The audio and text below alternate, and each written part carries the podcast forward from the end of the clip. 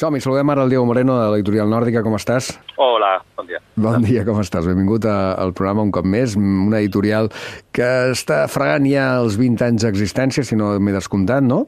Des del, del dos- 2006 que neix a, a Madrid i que sempre, és una de les coses que he celebrat més vegades, ha tingut aquesta doble sensibilitat, no és nou, és a dir, avui parlem de Nòrdica Llibres, però a Nòrdica sempre heu tingut una eh, sensibilitat, com deia, eh, per, per tenir el català present no únicament en traduccions, sinó amb autors com eh, Martí Pol, Margarit, però, me'n vaig ara a la poesia, eh, però també Rodoreda, i d'altres que heu anat incorporant en, en unes edicions magnífiques, altra banda, com tot el que tenim de Nòrdica, i il·lustrades i tot plegat, però que ara de cop heu, heu decidit, Diego, ampliar, no? Com, com ha anat això?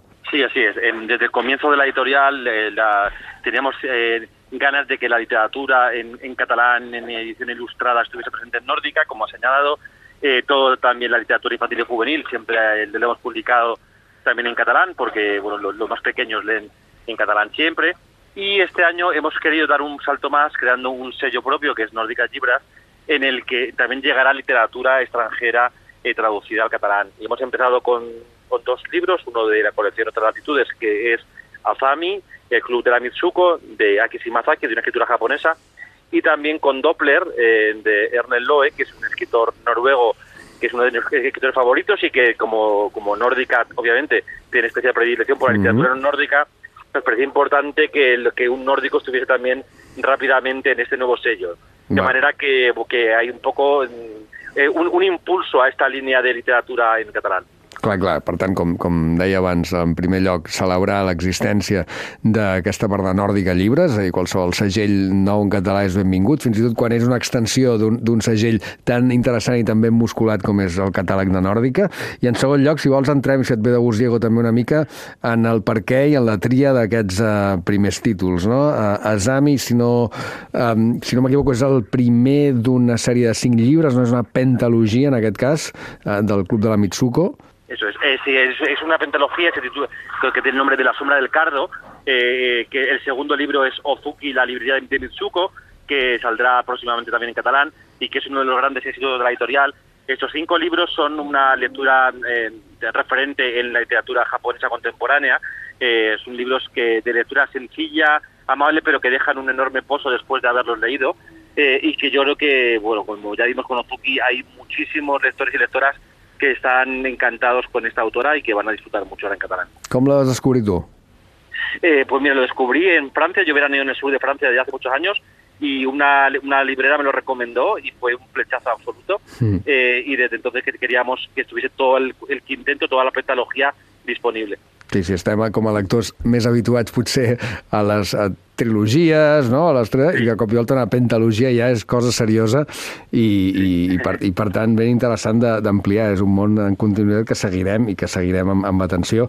Um, I per una mica de Doppler, perquè aquest Erlen Lo... Mira, jo, si, si et ve de gust, a mi em ve, em ve molt de gust compartir amb els lectors les primeres tres frases, un llibre que arrenca dient se m'ha mort el pare, no? i per tant un se situa en un, en un uh, estat d'ànim, és un, un punt de tragèdia, però de seguida diu se m'ha mort el pare i ahir vaig enviar un an a l'altre barri, no? amb la qual co- què voleu que us digui? A partir d'aquí ja t'imagines eh, en fi, qualsevol cosa, a més un an, que és un animal, és aquest mamífer més propi, efectivament, de terres nòrdiques, no? de cop i volta algú que se li mor el pare i mata un an, dius, home, eh, com, a presenta... com a carta de presentació del personatge és una festa gairebé, Erlen Loe, per tant, jo crec que aquí ha parit una, una història eh, que té un punt de, no, de què, de tronat, però, perquè tu, tu vas llegint i, i pot semblar una utopia gairebé de, de Henry Thoreau, no? Se'n va al bosc, a aïllar-se Sí, i tal, sí. i no, i no va per aquí.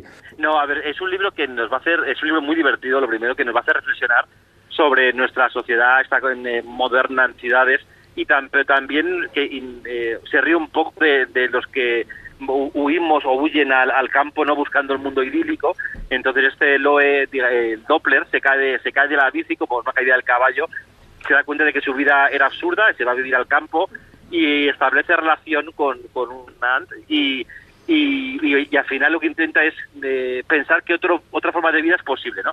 Y es un libro que, que yo creo que todos los libros más estimulantes, más divertidos de la editorial y que creo que, que eso, como digo, por una parte es una crítica a la, a la ciudad y al exceso de urbanismo y también al mismo tiempo al- a, la- las subidas al campo eh, buscando un mundo que no existe. Y bueno, yo creo que él lo hace de manera muy, muy, muy aguda, muy fina, con un estilo literario muy ágil que, que nos va a caer en contradicciones que tenemos tanto los que vivimos en la ciudad como los que viven en el campo huyendo de las ciudades.